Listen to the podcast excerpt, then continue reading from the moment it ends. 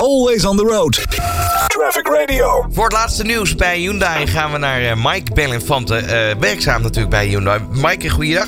Goedemiddag. Hyundai, laatste nieuws. Uh, zullen we eerst beginnen met het sportnieuws? Ja, ja, we hebben ontzettend leuk nieuws. Want we zijn wereldkampioen geworden. En dan wel wereldkampioen in een klasse van World Rally Championship. En dat zijn de Tourwagens. En daar is Gabriele Tarquini, de Italiaan, de Italiaanse federaan. En die heeft met zijn i30 en WTCR, zoals hij officieel heet, heeft hij het kampioenschap gepakt. En ja, dan zie je mensen denken Hyundai wereldkampioen in de snelle raceklasse. Uh, het is echt waar. En ze zijn ook nog uh, nummer twee uh, geworden. Ehm, dus ja, dat is de, de, de sportieve aspiraties laten niets te wensen over van, van Hyundai. Ja. En dat is eigenlijk, ja, jaren geleden is dat ingezet met de World Rally Championship, de WRC. Je gaat er bijna van stortelen met de Belg Thierry Neuville. Die heeft eigenlijk het hele jaar aan kop gelegen. en dat is, zijn die auto's die door de modder rammen, zeg maar, racen. Geweldig om te zien en om te volgen.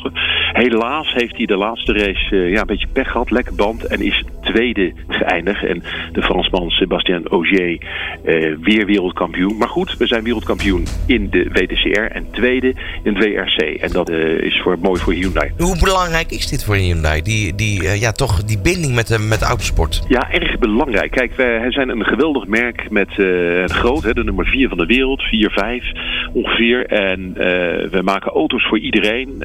Maar wat we daar nog een beetje missen is het imago, met name in, in Europa. En dat, uh, ja, dat gaan we natuurlijk uh, nu ontzettend laden met dit soort titels, dat we dit ook kunnen.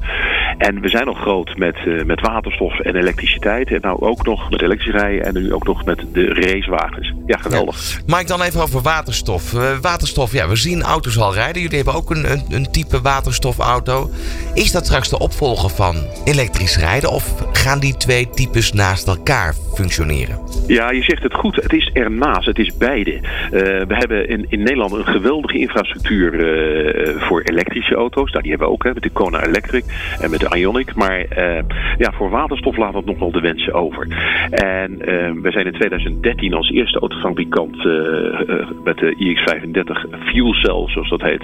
Dat is een elektrische auto met een brandstofcel. En die kan je binnen 5 minuten tanken en dan 600 kilometer rijden ongeveer.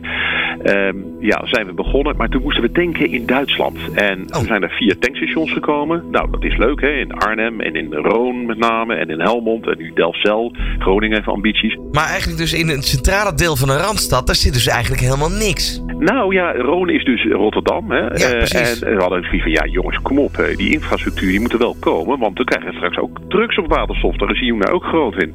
En uh, nou, we zijn een rondje langs de velden in de Tweede Kamer aan het maken. Van jongens, we moeten dat wel garanteren. We moeten dat wel snelheid gaan geven, die infrastructuur. En ja, daar gaat wat komen. Er is een, een, een geld, DKTI-regeling aangekomen, heet dat. En dan hebben ze in 2020 20 tankstations. Dat blijkt natuurlijk heerlijk in de politiek. Maar voorlopig hebben we nog maar vier. Ehm, maar gelukkig gloort er licht aan het einde van de tunnel. Want in Den Haag wordt in april, mei een tankstation neergezet. er zijn plannen van Shell, of plannen, er is geld voor Shell en van andere uh, nieuwe tankstations in Amsterdam en in Rotterdam, in Den Haag dus, in Hogeveen. En nou, zo komen er in Goeree, in Breda, Utrecht. Dus hartstikke leuk. Dus over 24 maanden moeten we zo'n 16, 17 tankstations hebben. En dat gaat echt gebeuren. Dus ook de waterstofauto krijgt dan een kans in Nederland. En dat is uh, wel grappig, want ze hebben duizend CEO's in de wereld van grote bedrijven gevraagd... wat is nou de mobiliteit van de toekomst? En toen zeiden ze allemaal waterstof. En terwijl in Nederland geneigd zijn om te zeggen... nee, dat is elektrisch rijden met een batterij.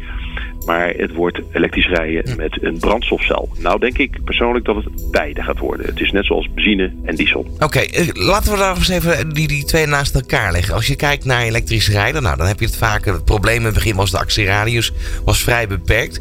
Um, hoe zit dat met waterstof? Wat is daar de actieradius bijvoorbeeld van jullie Nexo?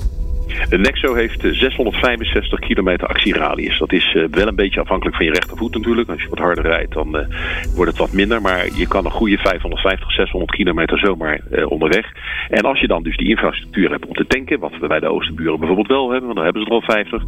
Ehm, ja, kun je weer na vijf minuten weer op pad. Die Nexo, hoeveel rijden er al van in Nederland? er rijden nu inmiddels 25 van rond in Nederland. Dus natuurlijk nog niks. Maar het gaat komen. En volgend jaar en het jaar erop gaat het alleen maar harder. Ook omdat uh, Toyota en, uh, en, Hyundai, dat zijn nu de leveranciers van de auto's. Met de Mirai en de Nexo. Maar we hebben de technologie gedeeld met uh, de Duitsers. BMW en Mercedes mensen. En de, de, Audi mensen.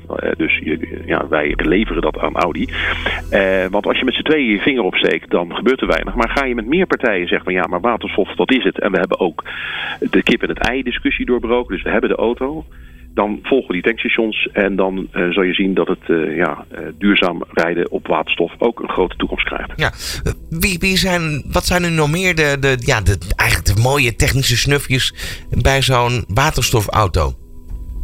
Nou, het leuke is dat je hebt buiten de technologie dat je drie tanks hebt en je hebt een elektromotor en je hebt een brandstofcel. Dat is natuurlijk al iets wat uh, geen enkele auto verder heeft. Uh, hebben we hem volgestopt met andere technologie. Je kunt bijvoorbeeld ook, uh, is die ook klaar voor semi-autonoom rijden. Level 4. Ik heb in Korea met die auto gereden. 180 kilometer met mijn handen een, een, flesje en een broodje in mijn hand. Want niet aan het stuur, want je, hij deed het allemaal zelf. Mhm. Nou ja, dat is de verdere toekomst. Want dat heeft allemaal te maken, autonoom rijden, met de kaarten die ook moeten gemaakt worden. En met de wetgeving. Maar die auto's, ja, die, die innoveren, dat, dat, dat gaat zo snel. Uh, maar laten we nou eerst uh, kijken op, op zero-emissie rijden, dus schoon rijden, duurzaam rijden.